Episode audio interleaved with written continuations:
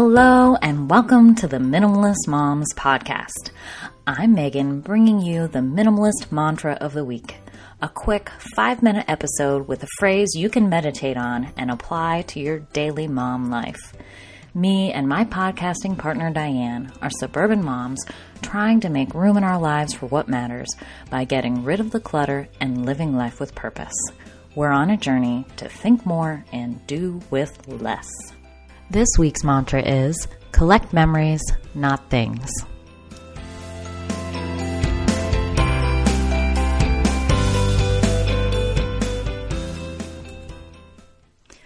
My husband and I bought our first house in 2005. The home was a new build. We were situated on the end of a street surrounded by protected wetlands. It was a condo community, but we had a great lot that felt much more spacious than the homes sandwiched together in facing rows in the rest of the community. Not long into owning our home, I got a call from my husband in the middle of a workday with the news that our home had been broken into. Our house was armed with an alarm system. However, the robbery was that smash and grab type. The goal was to run through the house grabbing whatever they could and run away with it before the police showed up. They took our TV and DVD player and my jewelry box. Suddenly, our perfect end of the row house made us feel exposed rather than in a sanctuary. Thankfully, we had homeowners insurance, and I had made an inventory of my jewelry for that purpose. We received a small sum to quote unquote replace the contents of my jewelry box. I went to a jewelry store, picked out a few new, expensive pieces, and put them in a new jewelry box. I thought that's what I was supposed to do replace the jewelry. But what I overlooked is that I had only replaced the metal and couldn't replace the memories. Every time I looked at that jewelry, it was tainted. The memory attached to them was an awful one. They sat in my jewelry box for years, and I eventually sold them. That's why this week's mantra is collect memories, not things. When I bought that new jewelry with the insurance money, I somehow thought the things were what needed replacing.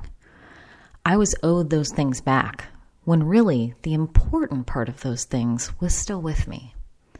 If this same scenario were to happen today, we would use the money to travel to make new, joyful memories. I wouldn't buy some pieces of metal and stone to sit in a box. I'd fill my heart and camera roll to the brim. Things can certainly be memory holders and reminders of celebrations and happy times, but things do not own those memories. They are forever in your mind to recall. Things can be taken away from you, broken, lost, or stolen. However, your memories are always protected. So from now on, I'll invest in memories and experiences, not things.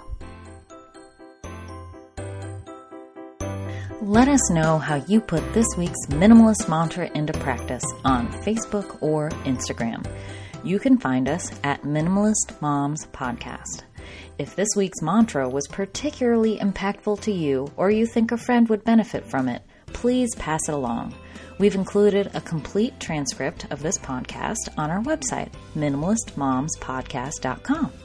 Or if you like to receive those show notes directly to your email inbox, all you have to do is text the word minimalist to 444 999. That's the word minimalist to 444 999.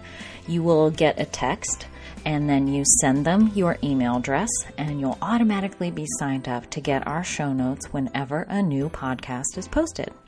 And don't forget to leave us a rating or review on iTunes. We throw a mini dance party every time we see one of those. We wish you a lovely week as you think more and do with less.